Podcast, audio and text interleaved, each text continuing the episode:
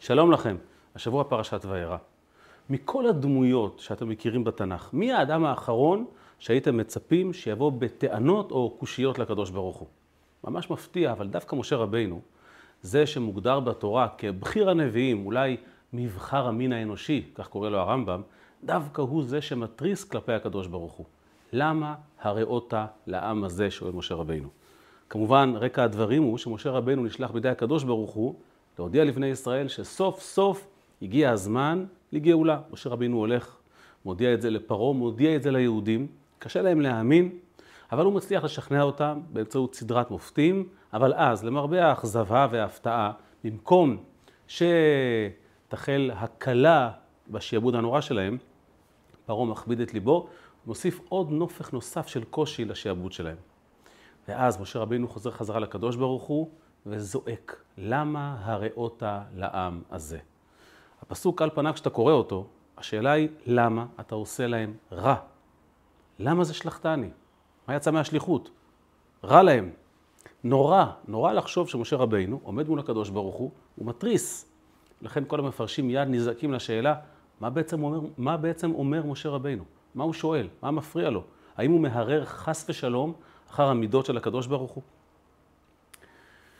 הפרשנים חלוקים בגרסותיהם. הרמב"ן למשל טוען שמשה רבינו אומר לקדוש ברוך הוא, אני מבין שיש זמן לגאולה. זה עניין של קץ.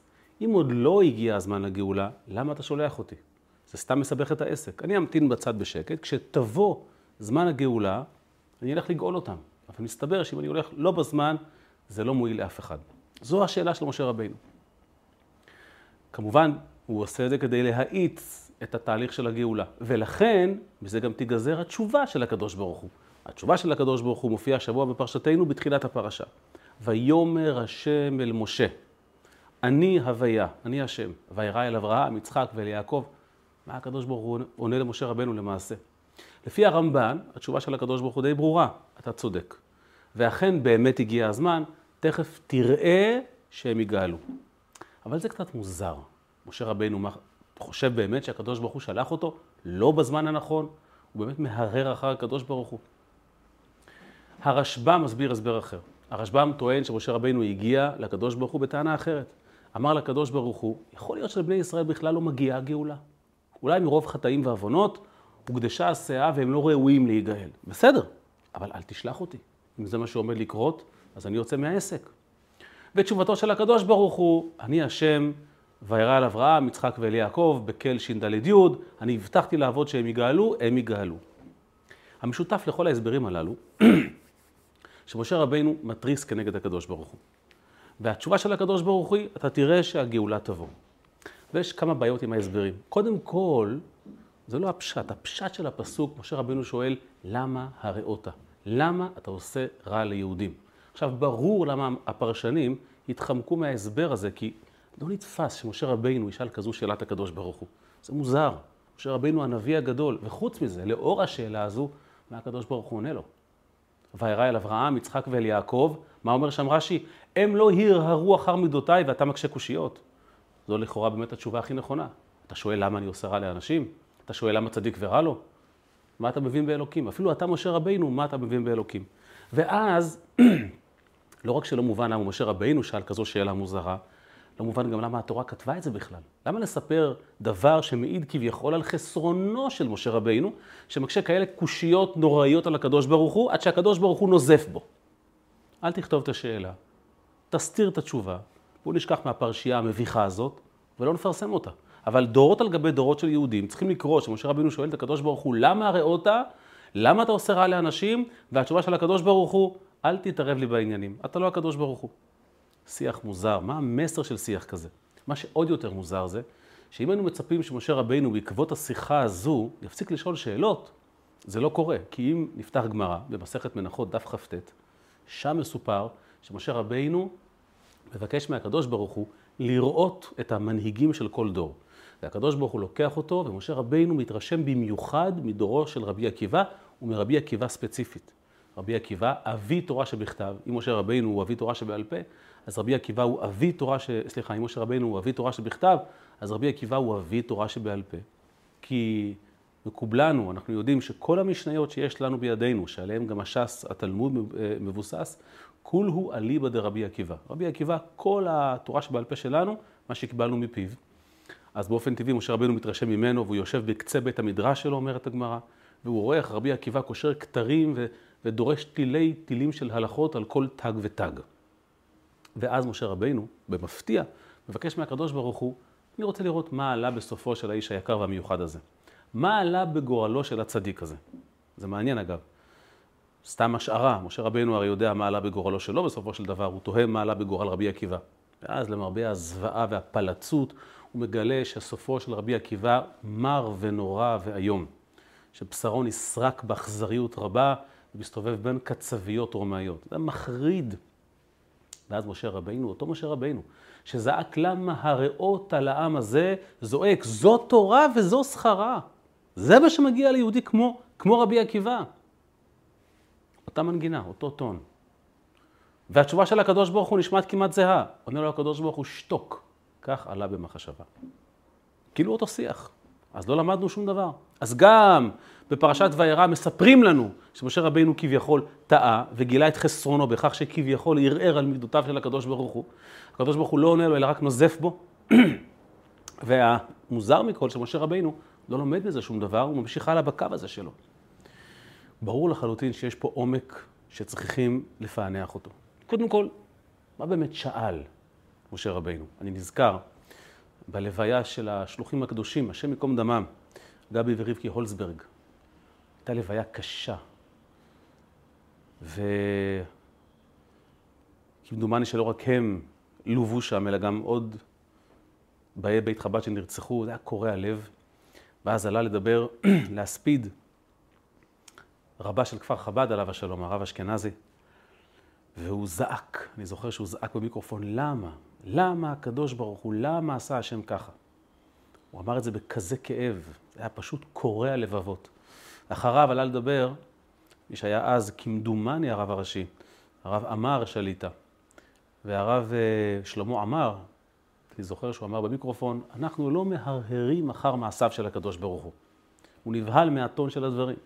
כמובן שהרב אשכנזי לא התכוון לשאול למה הקדוש ברוך הוא תן לי דין וחשבון על, על איך אתה מתנהל? חלילה, זו הייתה זעקה של כאב.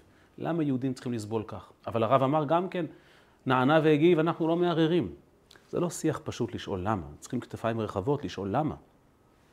אז למה משה רבינו שואל למה? ולמה מספרים לנו את זה? ומה ההוראה? ולמה משה רבינו לא לומד לקח לעתיד? מסביר הרבי מלובביץ' קודם כל את השאלה של משה רבינו. מה, מה הציק למשה רבינו? משה רבינו שאל שאלה כזו, אני רואה שליהודים נהיה רע כתוצאה מהשליחות שלי. וזה משהו שדורש הסבר, כי משה רבינו, הכינוי שלו היה טוב, עד כדי כך שהמדרש אומר שאחד מהשמות שקראו לו בברית המילה, הרי השם משה נתנה לו בת פרעה, בתיה, אבל אחד השמות שנתנו לו היה טוביה, כי זה טוב י"ק, טוביה. משה רבינו היה טוב, שנאמר, ותרא אותו כי טוב. משה רבינו נולד, כל הבית התמלא אורה, והאור נקרא כי טוב. משה רבינו הוא תכלית הטוב. הקדוש ברוך הוא, הוא תכלית הטוב, וגאולת מצרים נעשתה רק בידי הקדוש ברוך הוא. אני ולא מלאך, אני ולא שרף, אני ולא שליח. אז משה רבינו נקרא טוב, הקדוש ברוך הוא ודאי טוב, והגאולה הזו היא הכי טובה, כי הגאולה הראשונה אם, אם כל הגאולות. משה רבינו אמר, אני לא מבין איך מטוב ועוד טוב ועוד טוב יוצא רע. אני לא מערער אחר מידותיו של הקדוש ברוך הוא. ברור שמה שהקדוש ברוך הוא עושה זה מקסים ונפלא ואמת נצחית, אבל איך זה עובד? איך מכל כך הרבה טוב יוצא רע? זו הייתה השאלה. ומה הקדוש ברוך הוא עונה לו? הקדוש ברוך הוא עונה לו, השאלה שלך היא מצוינת. השאלה שלך היא טובה. וטוב שאתה שואל. וכאן אנחנו נפתח סוגריים לרגע ונאמר, מדוע משה רבינו באמת שואל? אברהם לא שאל ויצחק אף פעם לא הרהר ויעקב לא טמא על ההנהגה של הקדוש ברוך הוא. משה רבינו שואל משום שזה התפקיד שלו. משה רבינו עניינו זה חוכמה אלוקית. משה רבינו, כשהוא התבטא על עצמו, הוא אמר, ונחנו מה? מה בגימטריה 45 או באותיות זה אדם. משה רבינו הוא האדם השלם, והאדם יתברך בשכל אנושי. משה רבינו הוא תכלית השכל האנושי והאלוקי, ולכן תפקידו להוריד תורה כחוכמה לעם ישראל. כי אדם הוא שכלי. לכן דרגתו של משה, רב... של משה רבינו זה דרגה, זה נקרא מה, אחת, מה...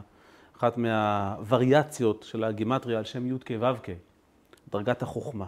ולכן תפקידו של משה רבינו לשאול שאלות, בניגוד לאבות שהם היו מייצגי הרגש.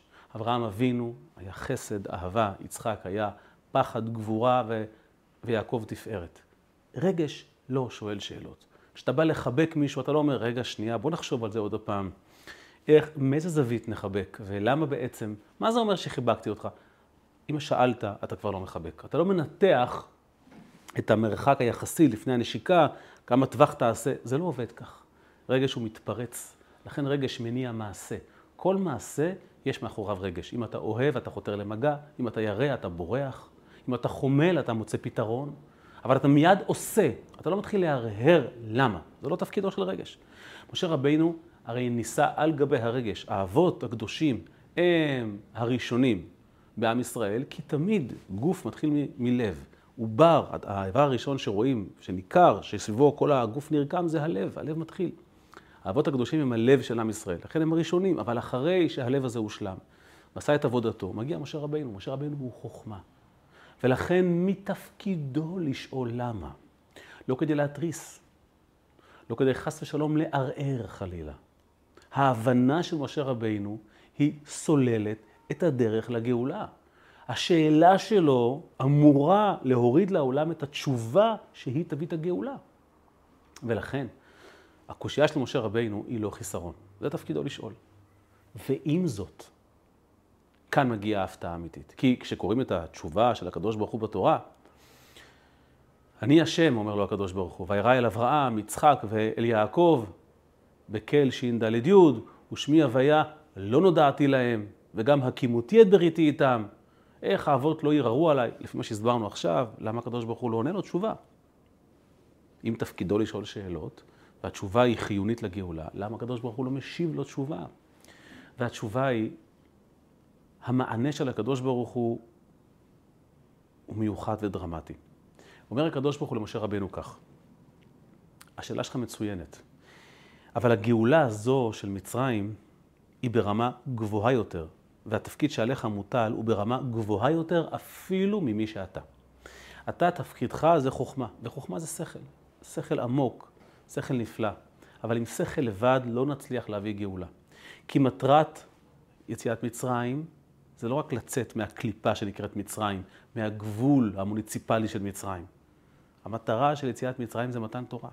ומתן תורה, כידוע, לא עוסק רק בשכל והבנה, אלא בעיקר בלזכות את בני ישראל סוף סוף במצוות מעשיות. ואתה, משה רבינו, תפקידך, לא רק חוכמה ושכל, אלא גם לרדת לפרטים הטכניים, ולדאוג לעם ישראל מבחינה טכנית, מעשית, להתעסק עם אנשים פשוטים, לצוות עליהם ציוויים פשוטים, לא בהכרח שכליים. במילים אחרות, אומר הקדוש ברוך הוא למשה רבינו, ויאמר השם אל משה, אני הוויה. השאלה שלך באמת מובילה אותי לרומם אותך לדרגה שלא הכרת עד היום. אם הייתה חלוקה ברורה שעד היום האבות הם רגש ואתה שכל, הגיע הזמן להביא גאולה לעם ישראל, והגאולה הזו תגיע מדרגה שהיא למעלה גם מהשכל שלך, משה רבינו. דרגה כזו שאי אפשר להסביר אותה במילים. אני הוויה. זו דרגה שרק הקדוש ברוך הוא בעצמו חווה אותה, מרגיש אותה, וגם אתה תהיה שם. אבל השכל הוא לא כלי לחוויה הזו. במילים אחרות, הקדוש ברוך הוא מרומם את משה רבינו בזכות השאלה הזו לדרגה גבוהה יותר מאשר, מאשר משה רבינו ציפה. זאת אומרת, בשאלה משה רבינו הציג את הדרגה הגבוהה ביותר שבן אנוש יכול להגיע אליה. לעמוד מול הקדוש ברוך הוא ולשאול למה. מה שאברהם לא עשה ויצחק לא עשה ויעקב לא עשה, מה שמוכיח שהוא הגיע לשלמות רעיונית שכלית. משה רבינו היה אז בגיל 85. מצופה שהוא הגיע לרמה הזאת של שאלה מול הקדוש ברוך הוא. אבל השאלה הזו הוכיחה שהוא הגיע לפסגה, ועכשיו אומר לו הקדוש ברוך הוא, הגיע הזמן להעלות ולהעפיל לשלב גבוה יותר. זה שלב שבו אנחנו הולכים אל מעל השכל. דרגה כזו שבו השכל והרגש ייפגשו זה עם זה, ואתה הולך לאחד את שניהם. שכל גדול ורגש. למה צריכים לחבר את שניהם? למה צריכים להעפיל לדרגה כזו גבוהה? כי יש בשכל חיסרון. אם הולכים על קו של שכל טהור, שכל לא מניע מעשה בפועל. אדם שכלי יכול להיות שקוע בשכל שלו, וזה כל העולם שלו, וזה לעולם לא יגיע לכדי פרקטיקה. מי לנו גדול מבן עזאי? שמעון בן עזאי, שלא נשא אישה ולא הקים בית. וכשאמרו לו, למה אתה לא עושה את זה? אז הוא אמר, מה נראה לכם, שלא חשקה נפשי בתורה, באישה ובבית ובילדים? אבל מה אני יכול לעשות? סליחה, אבל מה אני יכול לעשות שאני לא יכול להתנתק מהלימוד הקדוש של התורה הקדושה? זאת אומרת, העיון השכלי של בן עזאי מנע ממנו לרדת לעולם הזה הפרקטי ולהקים בית, ואפשר להבין את זה. אומר הקדוש ברוך הוא למשה רבינו, גאולת מצרים לא יכולה להיות רעיונית בלבד. היא מובילה אל עבר מתן תורה שהוא מחבר שמיים וארץ. הוא מחבר עיון ופרקטיקה. הוא מחבר הגות עם מעש. הוא מחבר מחשבה עמוקה מאוד עם תכלס. ולכן, השאלה ששאלת מציגה את הרף הגבוה ביותר של בן אנוש. ועכשיו, אני הוויה. עכשיו בואו נדבר בשפה שלי. בשפה שלי, שכל ורגש מתחברים יחד, וככה גואלים את בני ישראל. זאת אומרת, אנחנו לא מדברים על חיסרון של משה רבינו. הקושייה שלו היא לא חיסרון, הוא לא ירהר אחר הקדוש ברוך הוא. השאלה הזו מראה את גודל מעלתו ורום מעמדו של משה רבינו. והמפתיע מכל שהתשובה של הקדוש ברוך הוא מעידה שבזכות השאלה הזו הקדוש ברוך הוא לקח אותו גבוה עוד יותר. למקום שממנו באמת אפשר לגאול את בני ישראל. בין אם הגיע להם ובין אם לא הגיע להם. כי יש ברית בינם לבין הקדוש ברוך הוא. ברעיונות לבד לא נביא גאולה, בהבנה עמוקה לא נביא גאולה. גאולה היא דבר מעשי, היא צריכה להתבטא בפרקטיקה, ביומיום, במעש שלנו, במצוות המעשיות, בחוויה שהרחוב הגשמי חווה אותנו. זה לא יכול להישאר שם. וזה מה שמיוחד בגאולת מצרים. והדבר המעניין הוא, שאנחנו רואים כאן בעצם בעצם, שמשה רבינו, עד שהוא שאל את השאלה למה הראותה, הוא באמת היה בשיא שלמותו. אם השאלה למה הראותה מציגה את משה רבינו באור שלילי, התורה לא הייתה כותבת את זה. אלא מוכרחים לומר שבאמת משה רבינו, לפני שהקדוש ברוך הוא לקח והעלה אותו לרמות גבוהות כל כך, מבחינתו הוא הגיע לשלמות שלו. וזה פרט מאוד מאוד חשוב. כי הרבה הרבה הרבה אנשים תוהים לגבי התפקיד האלוקי שלהם. למה למשל נשים שואלות למה אני לא יכולה להיות דיין בבית דין רבני? למה ההלכה חוסמת אותי מלהביע את דעתי בנושא אישות כדיין. מה האפליה הזו? או אדם שלא יתברך בכישרון, מת הקדוש ברוך הוא ללמוד תורה והוא עובד כחוטב עצים, אם יש עוד מקצוע כזה בעולם. לא משנה, סנדלר, נפח, זגג בנקאי. הוא אומר, למה לא בורכתי ביכולת להיות ראש ישיבה? כל אחד תוהה לעצמו, האם המקום שלי הוא נכון, או שאולי אני צריך לשאוף למקום אחר? למה אפליה? למה הכהן עולה ראשון לתורה ורק אחריו הלוי והישראל? מהסיפור הזה של משה רבינו, אנחנו לומדים דבר מאוד מאוד חשוב. משה רבינו לא התיימר לקפוץ אל מעבר לתפקיד הספציפי שלו. הוא התאמץ למצות את מי שהוא, וזו הייתה שלמות מבחינתו. זה שהקדוש ברוך הוא בא והעלה אותו לרמה עוד יותר גבוהה, זה כבר משהו אחר. אבל דקה קודם, לפני שהקדוש ברוך הוא אמר לו, סיימנו עם היכולת האנושית שלך, עכשיו נעפיל ליכולת אלוקית. כל עוד זה לא קרה, הוא היה שלם לחלוטין, אין פה שום חיסרון. הדבר הזה מזכיר את השאלה המפורסמת, איך יכול להיות שבכל יום יהודי קם בבוקר ואומר בתפילת שמונה עשרה, סלח לנו אבינו כי חטאנו, מחול לנו מלכנו כי פשענו. בסדר, אם הוא מבקש סליחה מהקדוש ברוך הוא, בוודאי שהקדוש ברוך הוא סולח לו. ומי, ומה ההוכחה הגדולה מזו, שהרי בסוף הוא אומר, ברוך אתה השם, חנון המרבה לסלוח. אם הוא בירך בשם ומלכות, ודאי שהקדוש ברוך הוא סלח לו. איך זה יכול להיות שכמה שעות אחר כך, בתפילת מנחה, הוא שוב חוזר ואומר, סלח לנו, אבינו כי חטאנו. מה, תכננת לחטוא? ואם תכננת לחטוא, למה לא עשית תשובה בבוקר מלאה על כל היום, והסיפור נגמר? ואז שוב בערבית עוד פעם אתה חוזר על הבדיחה הזאת? אלא מה? אומרת תורת החסידות, זה לא שחטאת בין לבין ולכן אתה אומר סלח לנו, כי אז באמת מראש אל תחטא. בבוקר ביקשת סלח לנו על העבירות שהיו קודם, מבחינתך הגעת לשלמות. אבל לשלמות יש לה סוג של איזה מין פסגה, איזה מין תקרת זכוכית. עכשיו התקדמת הלאה בתפקיד. כשתגיע למנחה, אתה כבר בשלמות אחרת. השלמות הזו מציבה רף גבוה יותר, לגביה השלמות הקודמת לחטא תחשב. הרי תארו לעצמכם חייל שעבר בהצלחה את המיונים ליחידה קרבית ויתקבל ליחידה. כל הכבוד לו, אבל עכשיו רוצים שהוא יהיה קצין. אז הוא יאמר, חברים, אני כבר הוכשרתי כרובעי מצטיין, כלוחם, זה מספיק. לא, זה לא מספיק. עכשיו, כקצין, הדרישות הן אחרות לחלוטין. ואם, אתה נהיה קצין בכיר, אז צריך לשכוח מהסטנדרטים הישנים ולהעפיל, ומה שלמדת, אם תמשיך רק עם מה שלמדת ולא תלמד שצריכים לקחת עוד אחריות ולהגדיל ראש וכולי וכולי, אתה עושה פשע. בשחרית היית ברמה של מ"מ. אמרת, סלח לנו על העובדה שחשבת להישאר טירון. במנחה אתה כבר סגן אלוף. אז כל מה שעשית עד עכשיו זה בגדר סלח לנו. התקדמתי הלאה.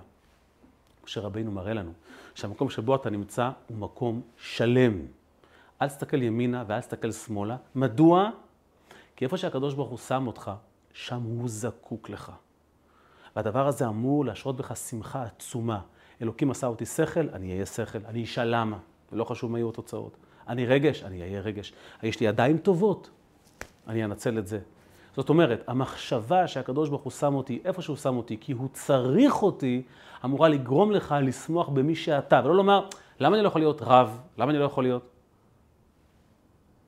הקדוש ברוך הוא נהנה וזקוק לעבודה הזאת. מה אכפת לך אם אתה מצליח לגרום לקדוש ברוך הוא עושר כזגג, כרב, כטייס? זה לא רלוונטי. ולכן לא מדובר פה על חיסרון של משה רבינו, אדרבה, על שלמות אדירה ביותר. וזו הסיבה שמשה רבינו, כשהוא רואה את רבי עקיבא נרצח על קידוש השם, כדרכו הוא זועק, למה הראותה? כי כי זה שכל. אבל משה רבינו ידע לשלב שכל עם פרקטיקה, עם מעשיות. לכן הוא תרגם את התורה ל-70 לשון, לכל שפה. הוא לא נשאר בבית הרעיוני, ההגותי, הוא ירד לפרטים הקטנים ביותר, ונסיים.